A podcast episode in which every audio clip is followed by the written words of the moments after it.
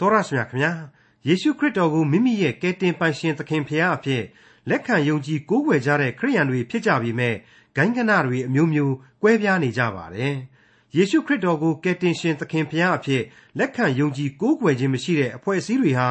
ခရိယန်အသင်းတော်အဖွဲ့အစည်းတွေမဟုတ်နိုင်ပါဘူးယေရှုခရစ်တော်ကိုယုံကြည်ကိုးကွယ်လို့သာလျှင်ခရိယန်ရဲ့လို့ဟိုးရှိကနဦးအချိန်အခါကလေးကခေါ်ခေါ်သမုတ်ခံခဲ့ကြရတယ်ဆိုတာ ခရိယန်တမန်ကျမ်းရဲ့ဓမ္မသစ်ကျမ်းပိုင်းတွေကတမန်တော်ဝိတ္ထုထဲမှာအတီလင်းဖော်ပြထားပါတယ်။ဒါပေမဲ့ဒီကနေ့ခရိယန်တွေဟာဂိုင်းကနာတို့ရဲ့အခမ်းအနားကျင့်စဉ်တွေအခမ်းအနားနဲ့အဆောင်အယောင်တွေဆောင်ရွက်ပုံဆောင်ရွက်နည်းမူဟန်တလေတွေအစွဲအလန်းအယူအဆတွေနဲ့ခြားနားနေကြတဲ့အယူအဆရေးရာတွေဟာတာမညအဆင့်မှသာရှိတဲ့အကြောင်းကိုလေ့လာရမှာဖြစ်တဲ့ခရိယန်တမန်ကျမ်းဓမ္မဟောင်းကျမ်းပိုင်းတွေကနေမိမတ်စာအခန်းကြီး9နဲ့အခန်းကြီး10တို့ကို ဒီကနေ့တင်ပြရသောတမန်ကျမ်းအစီအစဉ်မှာလေ့လာမှာဖြစ်ပါတယ်။ဒီကနေ့လူသားတိုင်းရေးထိုးကြရမှာဖြစ်တဲ့ဗြိဉ္ဉ်လက်မှတ်တစ်ခုဟာဘယ်လိုတစ္ဆာပြုစာချုပ်မျိုးလဲဆိုတာပါဝင်တဲ့နေမိမတ်စာအခန်းကြီး9နဲ့အခန်းကြီး10တို့ကိုဒေါက်တာထွန်းမြတ်အေးကအခုလိုရှင်းလင်းဖော်ပြထားပါတယ်။တင်ပြရသောတမန်ကျမ်းရဲ့မိတ်ဆွေတော်တတ်ရှင်အပေါင်းတို့ခမညာဒီကနေ့အဖို့ကတော့နေဟမိမှတ်စာအခန်းကြီး9ကိုကျွန်တော်တို့ဆက်လက်ရောက်ရှိလာပါပြီ။ ပြီးခဲ့တဲ့အခန်းမှာတွေ့ခဲ့ရတဲ့နေဟမိနဲ့အိစရာတို့ဥဆောင်ပြုလုပ်ခဲ့တဲ့ဝိညာဉ်ရေးနိုးကြားမှုမြင်ကွင်းကျယ်ကြီးတွေကိုဆက်ရမယ်အပိုင်းပဲဖြစ်ပါတယ်အခုအခန်းကြီး9ကိုရောက်လာတော့အိစရာမှတ်စာကိုလေ့လာကြတဲ့ကအိစရာမှတ်စာအခန်းကြီး9နေဟမိမှတ်စာအခန်းကြီး9နဲ့ဒံယေလအနာဂတိကျမ်းအခန်းကြီး9တို့ဟာအရေးကြီးတဲ့ကျမ်းကြီးတွေဖြစ်တယ်ဆိုတာကိုမိษွေတို့အမှတ်ရကြဖို့ရန်ကျွန်တော်ထပ်မံသတိပေးလိုပါတယ်အဲ့ဒီ ထက်ကအိစရ6ဆိုတာကတော့ပြီးခဲ့ပြီးပြီဒီကနေ့ကတော့နေဟမိ6ပေါ့ဒံယေလအနာဂတိကျမ်းအခန်းကြီး6ကတော့နောက်ပိုင်းကျမ်းမှာကျွန်တော်တို့ရောက်ရှိလာမှာဖြစ်ပါတယ်အဲ့ဒီအခန်းကြီး6တိုင်းဟာဝိညာဉ်ရေး노ကြမှုအကြောင်းများကိုအဓိကထားပြီးတော့ဖော်ပြသွားမယ်အခန်းကြီးတွေပဲဖြစ်တယ်ဆိုတာကိုကျွန်တော်ဖော်ပြခဲ့ခြင်းဖြစ်ပါတယ်ဝိညာဉ်ရေး노ကြမှုသို့မဟုတ် revival ဆိုတာနဲ့ပတ်သက်ပြီးတော့ကျွန်တော်အနေနဲ့ဒီမဟာလုပ်ငန်းစဉ်ကြီးရဲ့အခြေခံသဘောတရားအမှန်ကို ထပ်မံပြီးတော့ရှင်းလင်းဖွင့်ဆိုခွင့်ပြုစီကြပါလေဟုတ်ပါတယ်ဒါဟာလူကြိုက်များနေတဲ့ယုံကြည်သူခရိယန်တို့အတွင်းကဝိညာဉ်ရေးနှိုးကြမှုလုပ်ငန်းစဉ်ကြီးဖြစ်နေတော့အလေးနဲ့ဆင်ခြင်စရာအလွန်ကောင်းတယ်လို့ကျွန်တော်ဆိုချင်ပါတယ် revival လုပ်တယ်ဝိညာဉ်ရေးနှိုးကြမှုအတွက်စီစဉ်ကြတယ်ဆိုတာဟာနားလည်မှုလွဲမှားနေတယ်လို့ကျွန်တော်ကဆိုခဲ့ဘူးပါတယ်ဒါဟာလဲဆိုသင့်ဆိုတိုက်လို့ဆိုခဲ့ရတာပဲဖြစ်ပါတယ်အပြစ်ပြောတဲ့သဘောမျိုးတော့မဟုတ်ပါဘူး ဝေဖန်ရေးပေါ့နားထောင်လို့ကောင်းတဲ့တရားကိုနာယူပြီးတော့စိတ်ကျေနပ်သွားကြတယ်တည်ခြင်းတွေဆိုပြီးတော့ပျော်ရွှင်ကြတယ်ပြီးတော့ကောက်ရိုးမီးများလို့ထပြီးတော့ဆက်ကပ်ကြပါတယ်ဆိုတဲ့အစီအစဉ်မျိုးတဲ့ပို့ပြီးတော့လင်းနဲ့တဲ့အတိတ်ပဲကို revival ဟာဆောင်ယူစေခြင်းပါတယ်ဒါကြောင့်မလို့ကျွန်တော်ကဝေဖန်ခြင်းလို့ပြောရခြင်းဖြစ်ပါတယ်အမှန်တော့အမိနဲ့လိုက်အောင်အသက်ဝင်ပြီးတော့စွမ်းအားတတ္တိတို့ကိုဖြစ်ပွားစေရမယ်လုပ်ငန်းမျိုးဖြစ်ပါတယ်ပြီးတော့ ကို့ဘဝရဲ့ပဂရိအခြေအနေမှန်ကိုကိုယ်တိုင်ကပြန်လဲသိကျွမ်းလာရစေမယ်ဆိုတဲ့အချက်ဟာလေအလွန်အရေးကြီးတဲ့ revival တဲကလိုအပ်ချက်တစ်ခုဖြစ်ပါတယ်ဒီနေရာမှာယောမဩဝါဒစာအခန်းကြီး14အငယ်6မှာရှင်ပေါလုဆိုခဲ့တဲ့စကားသံဟာအရေးပါလွန်းတဲ့အလျောက်နားဆင်ကြည့်ကြစေခြင်းပါတယ်အကြောင်းမူကားခရစ်တော်သည်သေသောသူတို့ကို၎င်းရှင်သောရှင်သောသူတို့ကို၎င်းအစိုးရသောအရှင်ဖြစ်လိုသောငါအသေးခံ၍ ခံပြီးမှအသက်ရှင်ပြန်တော်မူ၏ဆိုတဲ့အချက်ဖြစ်ပါတယ်ဝိညာဉ်ရေးနိုးကြားထကြွလာရန်လှုပ်ဆောင်တဲ့နေရာမှာအဲ့ဒီလောက်အထိကိုယ့်ရဲ့အပြစ်ဇာတိဘဝကိုမြုပ်နှံပြီးမှခရစ်တော်၌နိုးထလာစေဖို့ရန်အတွက်အတိတ်ထံချထားချထားနိုင်မှသာလျှင်အတိတ်ပဲအနှစ်သာရရှိလိမ့်မယ် revival ဆိုတဲ့ပြန်လည်နိုးကြားရေးအစီအစဉ်ဟာဝိညာဉ်ရေးအနှစ်သာရနဲ့ပြည့်စုံလိမ့်မယ်လို့အလေးအနက်ကျွန်တော်အတိတ်ပဲဖွင့်ဆိုလိုက်ပါရစေ ဒါပေမဲ့ဘယ်လိုပဲပြောပြောသာမန်မျှတာဝိညာဉ်ခွန်အားရှိရာကနေပြီးတော့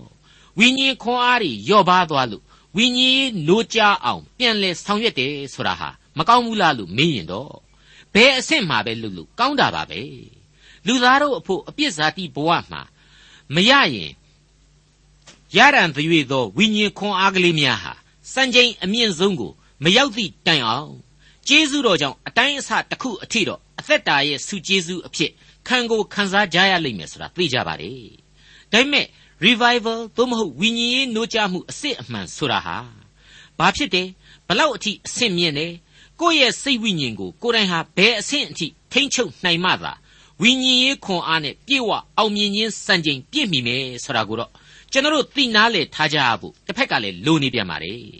ဒါကြောင့်မို့လို့လေကျွန်တော်က revival နဲ့ပတ်သက်ပြီးတော့လှုပ်ဆောင်ရမယ့်အလုပ်တွေဟာလိုနေသေးတယ်ဆိုပြီးတော့ ဝေဖန်ခဲ့ခြင်းဖြစ်ပါတယ်အခုနေဟမိမှတ်စာအခန်းကြီး9ထဲကဝိညာဉ်ရေးနှိုးကြမှုဆိုတာကိုလေကျွန်တော်ဖော်ညွှန်းခဲ့တဲ့ပြေဝစုံလင်သောနှိုးကြတက်ကြွမှုလို့ကျွန်တော်တို့မသတ်မှတ်ချင်ပါဘူး။ဘာကြီးပဲဖြစ်ဖြစ်ပြီးခဲ့တဲ့သင်ခန်းစာကလေးကရေတကားနားမှာနှုတ်ကပတ်တော်ကိုအသေးစိတ်ဖတ်ရှုကြတယ်။နောင်တစိတ်နဲ့မျက်ရည်ကျကြတဲ့အထိဣသရေလလူမျိုးတွေဟာစိတ်နှိမ်ချကြတယ်။ဝိညာဉ်ခွန်အားတွေပြန်လည်ရရှိကြတယ်။ပြီးနောက်မှာတော့ ကျေးဇူးတော်ကိုချီးမွမ်းမွဲ့ဆိုကြတယ်ဆိုတာတွေဟာအ ਨੇ ဆုံးကိုယ့်ရဲ့အပြစ်ဘဝကိုအမှန်အတိုင်းကိုယ်တိုင်သိကျွမ်းနားလေခြင်းဆိုတဲ့နောင်တတရားလိုအပ်ချက်ကြီးတစ်ခုကိုပြည့်မီစေခဲ့ပြီလို့ကျွန်တော်ခံယူပါတယ်အထူးသဖြင့်အိစရာကိုယ်တိုင်ဟာဒီလိုနှုတ်ကပတ်တော်ကိုဖတ်ရှုဆင်ခြင်ခြင်းအပြင်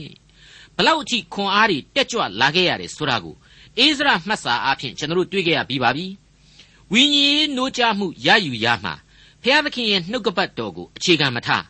နှုတ်ကပတ်တော်ရဲ့လေးနဲ့သောအနှစ်သာရများကိုမပါဝင်ပဲခြံလှပ်ထားယုံနဲ့တော့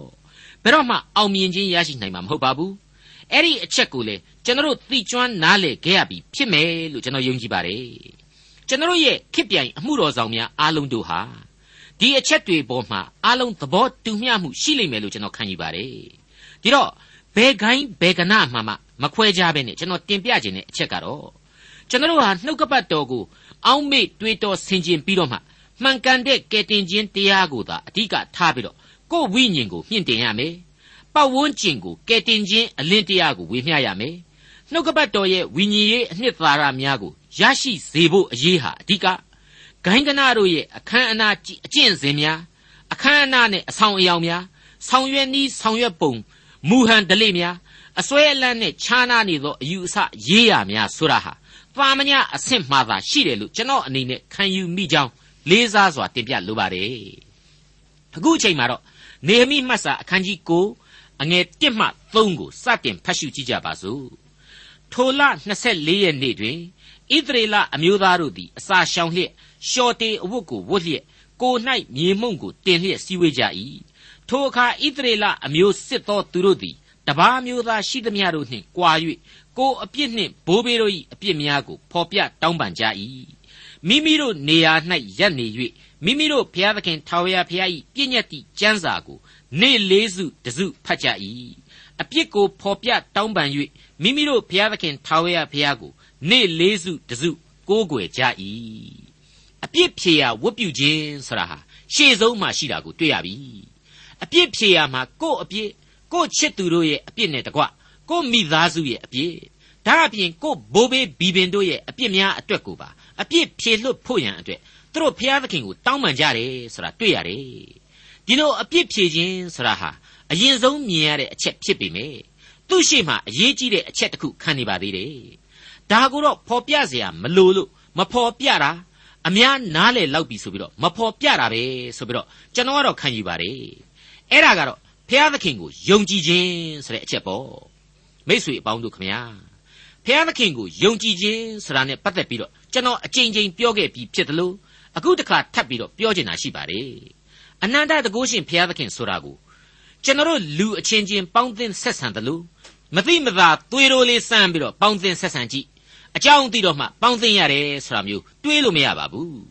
ဖျားသခင်ကိုယုံကြည်ခြင်းဆိုတာဟာကျွန်တော်ရဲ့ဗราဏဝတ်ဖြစ်ပါတယ်အဲ့ဒီလိုယုံကြည်ခြင်းကနေမှတဆင့် ဘုရားသခင်ရဲ့အကြောင်းကိုကျွန်တော်တို့ဟာပို၍ပို၍သိကျွမ်းနားလည်ရခြင်းပဲဆိုတာကိုကျွန်တော်တို့အလေးနဲ့ခံယူမှတ်ကြုံထားကြရပါမယ်နောက်တစ်ခုကျွန်တော်ထည့်သွင်းတင်ပြခြင်းတာကတော့လူစုလူဝေးအပေါင်းတို့တညီတညွတ်ထီကျွန်တော်တို့အပြစ်ရှိပါပြီခမညာဆိုပြီးတော့ဝန်ခံခြင်းဟာဝိညာဉ်ရေးနိုးကြမှုလို့ကျွန်တော်တို့အပြတ်မသတ်နှက်မသတ်မှတ်နိုင်ဘူးမသတ်မှတ်ထိုက်ဘူးဆိုတဲ့အချက်ပါပဲဒါဟာဝန်ခံခြင်းသာဖြစ်ပါတယ်ဝိညာဉ်ရေးနိုးကြမှုဆိုတာဟာတော့ တယောက်ချင်းသာလုပ်ပြီးတော့ယူရလိမ့်မယ်ဆိုတဲ့အချက်ဖြစ်ပါတယ်တနည်းအားဖြင့်တော့ဖျားသခင်ရှိတော်မှာယုံကြည်သူလူအများဟာတူပြိုင်ကိုးကွယ်တယ်အပြစ်ဖြေရာဝတ်ကိုပြုတယ်ကောင်းပါတယ်အဲ့ဒီနီးနဲ့ဝိညာဉ်ခွန်အားကိုရယူနိုင်ပါတယ်ကောင်းပါတယ်ဒါပေမဲ့ဘဘဝသစ်သို့ခရစ်တော်အားဖြင့်ရောက်ရှိခြင်းအသစ်သောမွေးဖွားခြင်းအပြစ်ဇာတိကိုအပြီးမြုပ်နှံပြီးတော့ထာဝရအသက်လမ်းပေါ်ကိုတက်လှမ်းခြင်းဆိုတာကြတော့စုပေါင်းရရှိထားတဲ့ခွန်အားကို တူးချင်းအသုံးပြု၍ရယူဆောင်ရွက်ရမယ်ဆိုတဲ့အခြေခံအချက်ကြီးကြောင်းပါပဲဟုတ်ပါတယ်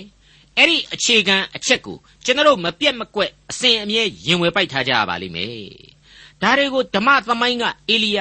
ဒါဝိစတဲ့ခေါင်းဆောင်တွေရဲ့အသက်တာတွေအကြောင်းကိုပြန်လဲစဉ်းစားရင်းနဲ့လေကျွန်တော်သဘောပေါက်နိုင်လောက်တယ်လို့ကျွန်တော်ဆိုချင်ပါတယ်အခုဆိုရင်ဝိညာဉ်ရေးနိုးကြတက်ကြွမှု ဖျားသခင်ကိုယုံကြည်ခြင်းခွန်အားများပြန်လဲအားသက်လောင်းမှုလုပ်ငန်းတို့အတွက်လိုအပ်တဲ့အစွမ်းတတ္တိတွေကိုလူမျိုးတော်တဲကလူအများစုဟာရရှိနေကြပါပြီဒါကြောင့်မလို့သူတို့အတွက်ကောင်းကြီးမင်္ဂလာတွေဟာတက်ရောက်လာကြရတော့မှာဖြစ်ပါတယ်နေဟမိမှတ်စာအခန်းကြီး9အငယ်၄နဲ့5ထိုအခါလေဝိသားယောရှုဘာနီကပ်မြေလာရှေပနီဘုံနီရှေရဘီဘာနီခေနနီတို့သည်ပ လင်ပေါ်မှရက်၍သူတို့၏ဖျားသခင်ထာဝရဖျားအားကြီးသောအသံနှင့်ကြွေးကြော်ကြ၏တဖန်လေဝိသားယောရှုကပ်မြေလာဘာနီဟာရှဗနီရှေရဘီဟောဒီယာရှေဗနီပေသဟိတို့သည်ထကြလော့သင်တို့၏ဖျားသခင်ထာဝရဖျားသည်အစဉ်အမြဲမင်္ဂလာရှိစေတည်းဟုကောင်းကြီးပေးကြလော့ကောင်းကြီးပေးခြင်းချီးမွမ်းခြင်းအမျိုးမျိုးတို့တဲ့ကြီးမြင့်၍ကြီးမြင့်၍ဘုံကြီးသောကိုတော်ဤနာမသည် မင်္ဂလာရှိပါစေတည်းဝိညာဉ်ရေးနှိုးကြမှုလုပ်ငန်းတော့လုပ်ငန်းပဲနော်ဒါဝိညာဉ်ရေးနှိုးကြမှုကတော့တစ်ဆင့်မှမလျှော့နိုင်ဘူးအမှန်တကယ်လှုပ်ဆောင်ရမှာတော့တရသေးပုံစံကြီးမရှိဘူးဆိုတာအခုသဘောပေါက်ထားဖို့လိုတယ်အခုနှုတ်ကပတ်တော်ကိုကျွန်တော်တို့ဖတ်ပြီးပြီကို့အပြစ်ကို့ဘိုးဘေးတို့ရဲ့အပြစ်တွေအတွက်ကိုဝန်ချတောင်းပန်ပြီးကြပြီဒါအပြင်ကျေးဇူးတော်ကိုသူတို့ချီးမွမ်းကြတယ်တဲ့ပေါ်လာပြီမဟုတ်ဘူးလားတရားဟောနေတာတွေ ဆွေးနွေးနေတာတွေနဲ့အချိန်ယူခဲ့ပြီးတဲ့နောက်မှာညီးငွေ့ပွဲမဖြစ်အောင်အပြောင်းလဲလှုပ်လိုက်ခြင်းပဲဖြစ်တယ်လို့ကျွန်တော်တို့တွေးဆနိုင်ပါတယ်စကလေးကကျေးဇူးတော်ကိုချီးမွမ်းဖို့ဆိုပြီးတော့လေဝိသားတည်ခြင်းတွေတွေနဲ့တကားဝတွေမှာတာဝန်တွေချထားခဲ့တာကိုကျွန်တော်တို့တွေ့ခဲ့ရပြီးဖြစ်ပါတယ်ဒီတော့အခုပြိဿအပေါင်းနဲ့ကျေးဇူးတော်ချီးမွမ်းခြင်းဟာသာမန်ကျေးဇူးတော်ချီးမွမ်းတာတဲ့ပို့ပြီးတော့အတိတ်ပဲပါဝင်တဲ့အထူးအစီအစဉ်ဖြစ်ရပါလိမ့်မယ်ဟုတ်ပါတယ်အဲ့ဒီလိုနီးနေကော ဝိညာဉ်ရေးပြန်လဲနိုးကြအောင်ခွန်အားရယူလို့မရနိုင်ဘူးလားရနိုင်တယ်ဆိုတာရှင်းနေပြီမဟုတ်ဘူးလားဒါဝိမင်းကြီးဟာသူ့ရဲ့ကြောက်ခမန်းလိလိအသက်တာအပြစ်ဘဝကနေပြီးတော့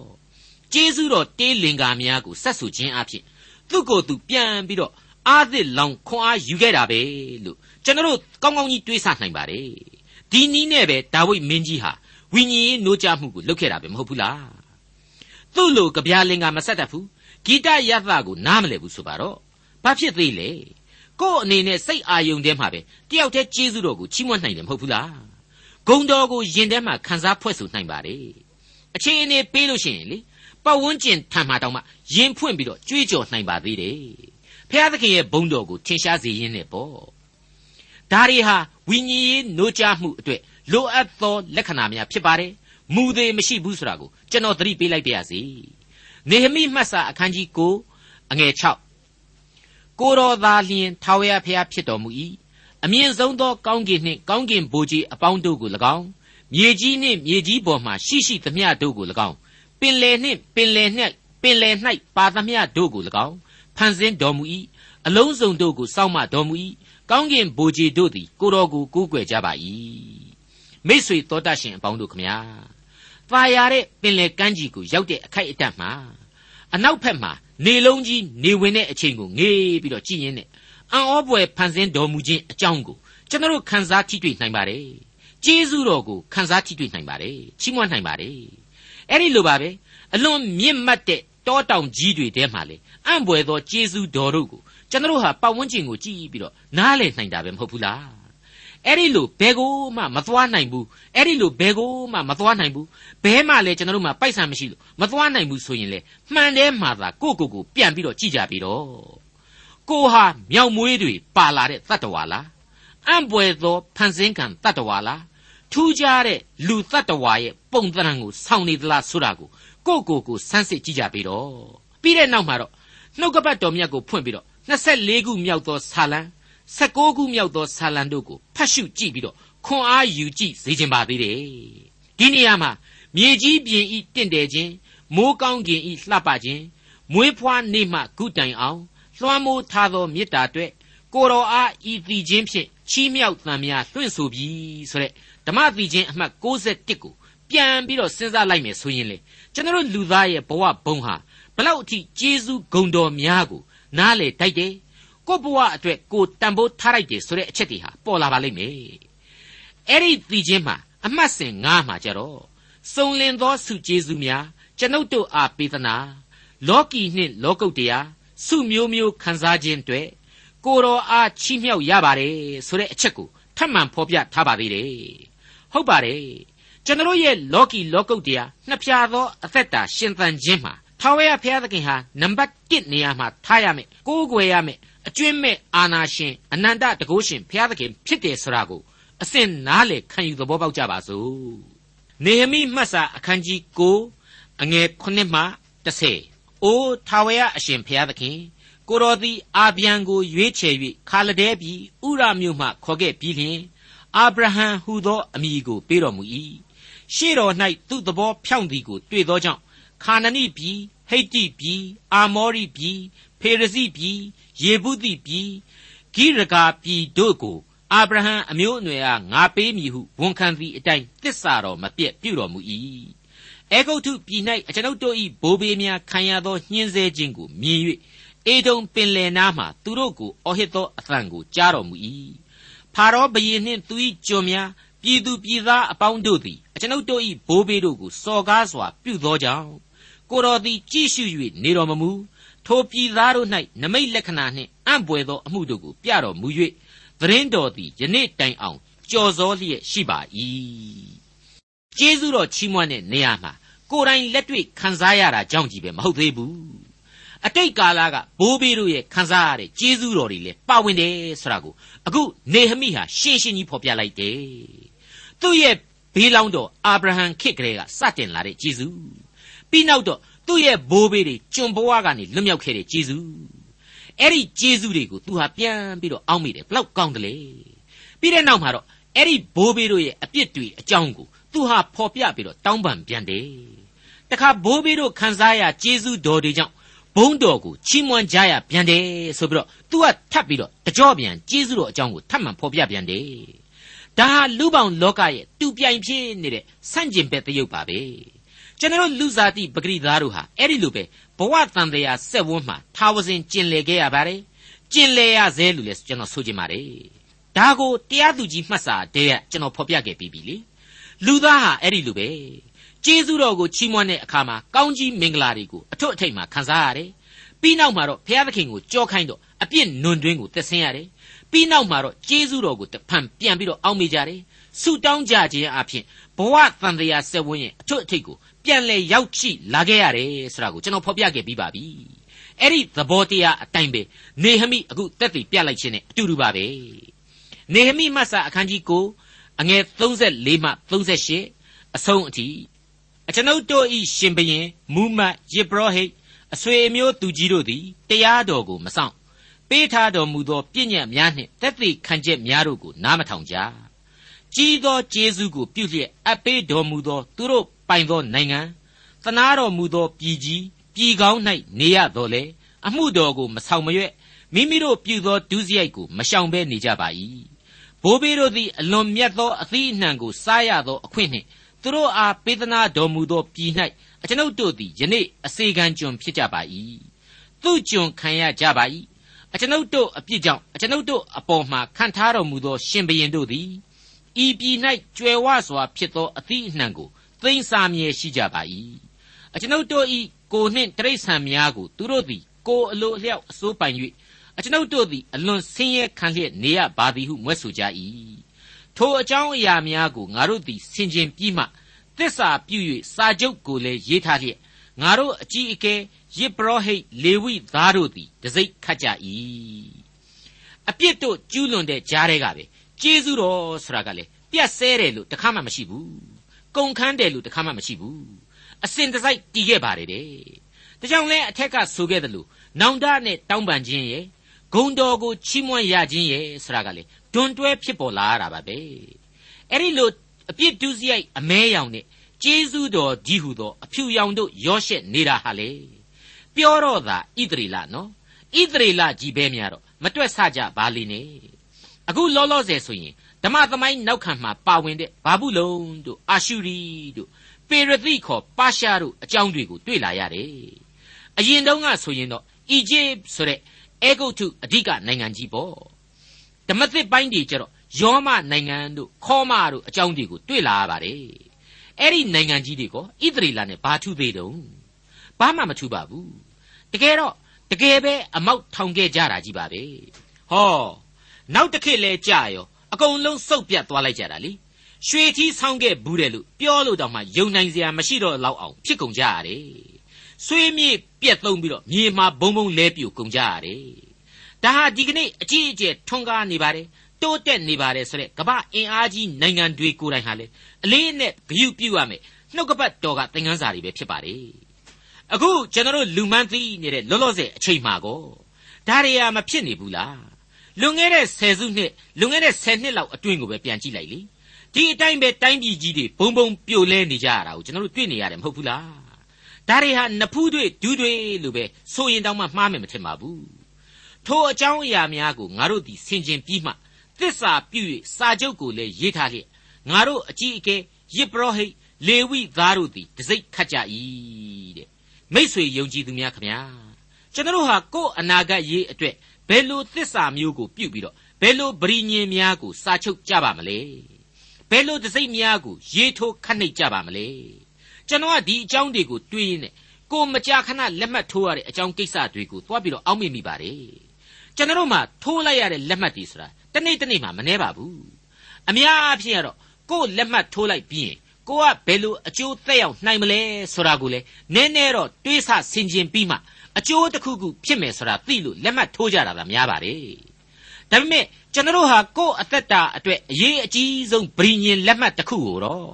ဖျားသခင်ရှေ့တော်မှောက်မှာရေးထိုးကြဖို့အလွန်အရေးကြီးလာပါလိမ့်မယ်အဲ့ဒီဂရိယာတော့တခြားမဟုတ်ဘူး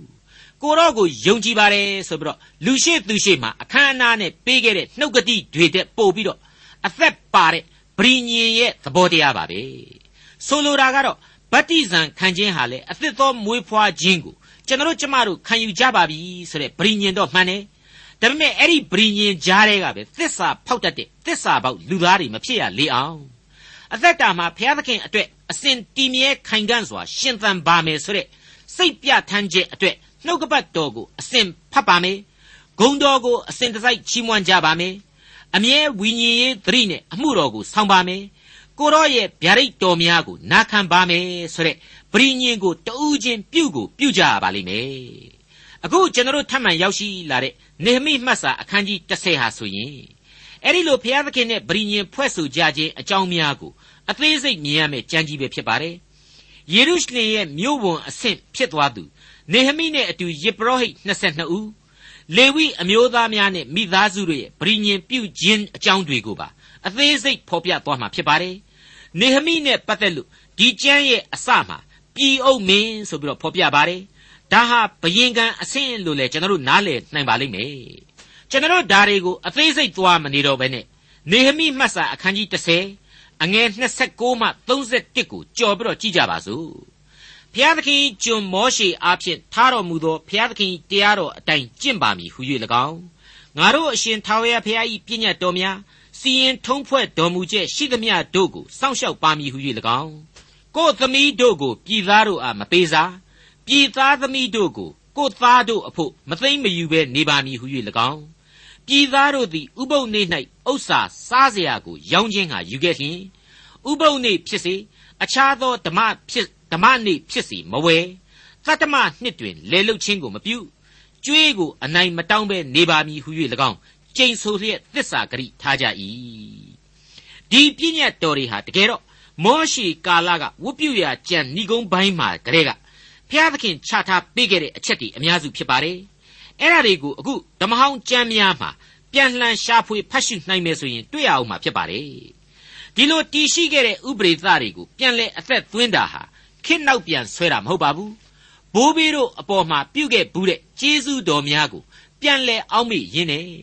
ဘိုးဘေးတို့အပေါ်မှာဘုရားသခင်ချထားပေးခဲ့တဲ့ဥပရိသတို့ကိုပြန်လဲစောင့်ရှောက်ကြရပါမယ်ဆိုတဲ့အသည့်တရားနဲ့ပြန်လဲအသက်သွင်းခြင်းပဲဖြစ်ပါတယ်။နောင်တများစွာနဲ့ပြန်လဲအသက်သွင်းခြင်းပဲပေါ့။အခုလိုပြန်လဲအသက်သွင်းခြင်းဆိုတာကိုဖော်ပြရတဲ့အခါကျတော့ဒီပြည့်ညတ်တိဥပရိသတွေဟာဘလောက်တောင်မှလူသားတွေနဲ့ဝေခဲ့ပြီ လူသားတွေမကြင့်မဆောင်ပဲနေခဲ့တာဟာနှစ်ပရိစေနှစ်ပရိစေတာတွေဘလောက်အထိကြာရှည်ကြာညောင်ရှိခဲ့ပြီဆိုတာကိုကျွန်တော်အကဲဖြတ်လို့ရเสียအကြောင်းရှိလာပါတယ်အဲ့ဒီလိုယာစုနှစ်အနည်းငယ်လို့ဆိုရတဲ့အချိန်ကာလမှာတောင်မှဖျားသခင်ရဲ့ပြည့်ညတ်တော်တို့ကိုလုံအောင်မဆောင်နိုင်ခဲ့ဘူးဆိုတဲ့လူသားတွေဟာပြည့်ညတ်တော်တွေအတိုင်းသာအပြစ်ပေးရမယ်ဆိုရင်ဘယ်လိုလုပ်ပြီးတော့မှကယ်တင်ခြင်းကျေးဇူးကိုခံရနိုင်เสียအကြောင်းမရှိဘူးဆိုတာဟာ ခလေးတွေတွေးကြည့်ရင်တောင်မှအဖြေရှင်းရှင်းကြီးထုတ်နိုင်လိမ့်မယ်လို့ကျွန်တော်ဒီနေရာမှာတင်ပြလိုက်ချင်ပါတယ်။တနည်းအားဖြင့်တော့အပြစ်ဇာတိပဂရိလူသားဆိုတာဟာဘုရားသခင်ရဲ့တင်းကျပ်တဲ့ပြည့်ညတ်တော်တွေကိုဘယ်နည်းနဲ့မှလုံအောင်မထိန်နိုင်ဘူး။ထိန်နိုင်တယ်ဆိုရင်လေကြွားဝါခြင်းပဲဆိုတာဟာအဖြေရှင်းရှင်းကြီးပေါ်နေပါတယ်။နေဟမိမတ်စာအခန်းကြီး30အငယ်32မှ39အထိထိုမှတပါ ငါတို့ဖျားသခင်အိမ်တော်အမှုကြီးဟုသောဥပုပ်နေ့နှင့်လဆန်းနေ့တွင် ရှေ့တော်မုံမြဲသောဘောဇဉ်ပူဇော်သက်ကမြဲသောမိရှုရာရစ်ဓမ္မပွဲတန်ရှင်းသောအသုံးအဆောင်ဣသရေလအမျိုး၏အပြစ်ဖြေရာရစ်အစရှိသောငါတို့၏ဖျားသခင်အိမ်တော်အမှုအလုံးစုံတို့ကိုဆောင်ရွက်เสียဖို့လူတိုင်းတစ်နှစ်လျင်ငွေတစ်ကြက်သုံးစုတစ်စုစီပေးရမည်အကြောင်းကိုအဖို့စီရင်ထုံးဖွဲ့ကြ၏ပညာတိကျမ်းစာ၌ရေးထားသည့်အတိုင်း ငါတို့ဖျားသခင်ထာဝရဘုရား၏ရစ်ပလင်ဘောမှာမိမွေးเสียထင်ပူဇော်တက်ကာကိုတစ်နှစ်တစ်နှစ်လျင်ချိန်ချက်သောအချိန်တို့၌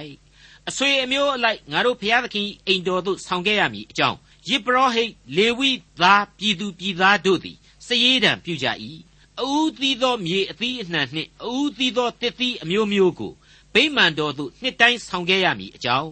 ပညာတိကျမ်းစာ၌ရေးထားသည့်အတိုင်း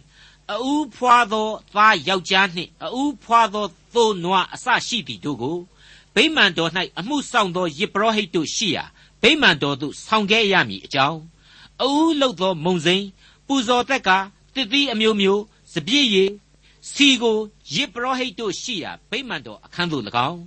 လဲလုတ်သောမြို့ရွာရှိသမျှတို့၌မြေအသီးအနှံဆယ်ဖို့တဖို့ကိုလေဝိသားတို့ထံသို့၎င်းဆောင်ခဲ့ရမည်အကြောင်းစီရင်ထုံးဖွဲ့ကြ၏ လေဝိသားတို့သည်ဆယ်ဖို့တဖို့ကိုခံယူသောအခါအာယုံအမျိုးယေဘရဟိတ်ရှိရမည်လေဝိသားတို့သည်လည်းဆယ်ဖို့တဖို့တဲကဆယ်ဖို့တဖို့ကိုနှုတ်ယူ၍ဗိမာန်တော်အခန်းဗန္တာတော်တိုက်ထဲသို့တွင်းရကြမည်လေဝိသားအစရှိသောဣသရေလအမျိုးသားတို့သည်ဆန်စပါးစပြည့်ရည်စီပူဇော်တက်ကာတို့ကိုတန့်ရှင်းရာဌာနတော်တစားအမှုတော်ဆောင်ယေဘရဟိတ်တကဆောင်တည်ခြင်းသည်တို့ရှိရာအခန်းသို့ဆောင်ခဲ့ရကြမည် ငါတို့ဖျားသခင်အိမ်တော်ကိုငါတို့သည်စွန့်ပြေး၍မထားရကြမိษွေတော်တတ်ရှင်အပေါင်းတို့ခမညာပြည်အုပ်မင်းသို့မဟုတ်ဘယင်ကံအဆင့်ဖြစ်တဲ့နေဟမိယေဘရဟိတ်မင်းအိစရတို့ဟာဖြင့်သူတို့ရဲ့ပြန်လဲထူထောင်ရေးခေတ်သစ်မှာထင်ရှားတဲ့ဣသရေလခေါင်းဆောင်များအဖြစ်မှတ်တမ်းတင်ခြင်းခံတိုက်လှတဲ့ပုဂ္ဂိုလ်ကြီးတွေဖြစ်ပါတယ်။သူတို့ဟာလောကီလောကုတ်တရားတာဝန်များကိုအချိုးညီမျှစွာနဲ့တာဝန်ယူဖြည့်ဆည်းခဲ့ကြတဲ့ ဣသရေလသူရဲကောင်းများဖြစ်တဲ့အကြောင်းတင်ပြရင်းနဲ့ဒီကနေ့အစီအစဉ်ကိုရန်နာလိုက်ပါရစေ။ဒေါက်တာထွန်းမြတ်ရေးစီစဉ်တင်ဆက်တဲ့တင်ပြရသောတမချန်းအစီအစဉ်ဖြစ်ပါတယ်။နောက်တစ်ချိန်အစီအစဉ်မှာခရိယန်တမချန်းဓမ္မဟောင်းကျမ်းိုင်းတွေကနေမိမတ်စာအခန်းကြီး7အခန်းကြီး7နဲ့အခန်းကြီး73တို့ကိုလေ့လာမှဖြစ်တဲ့အတွက်စောင့်မျှော်နားဆင်နိုင်ပါတယ်။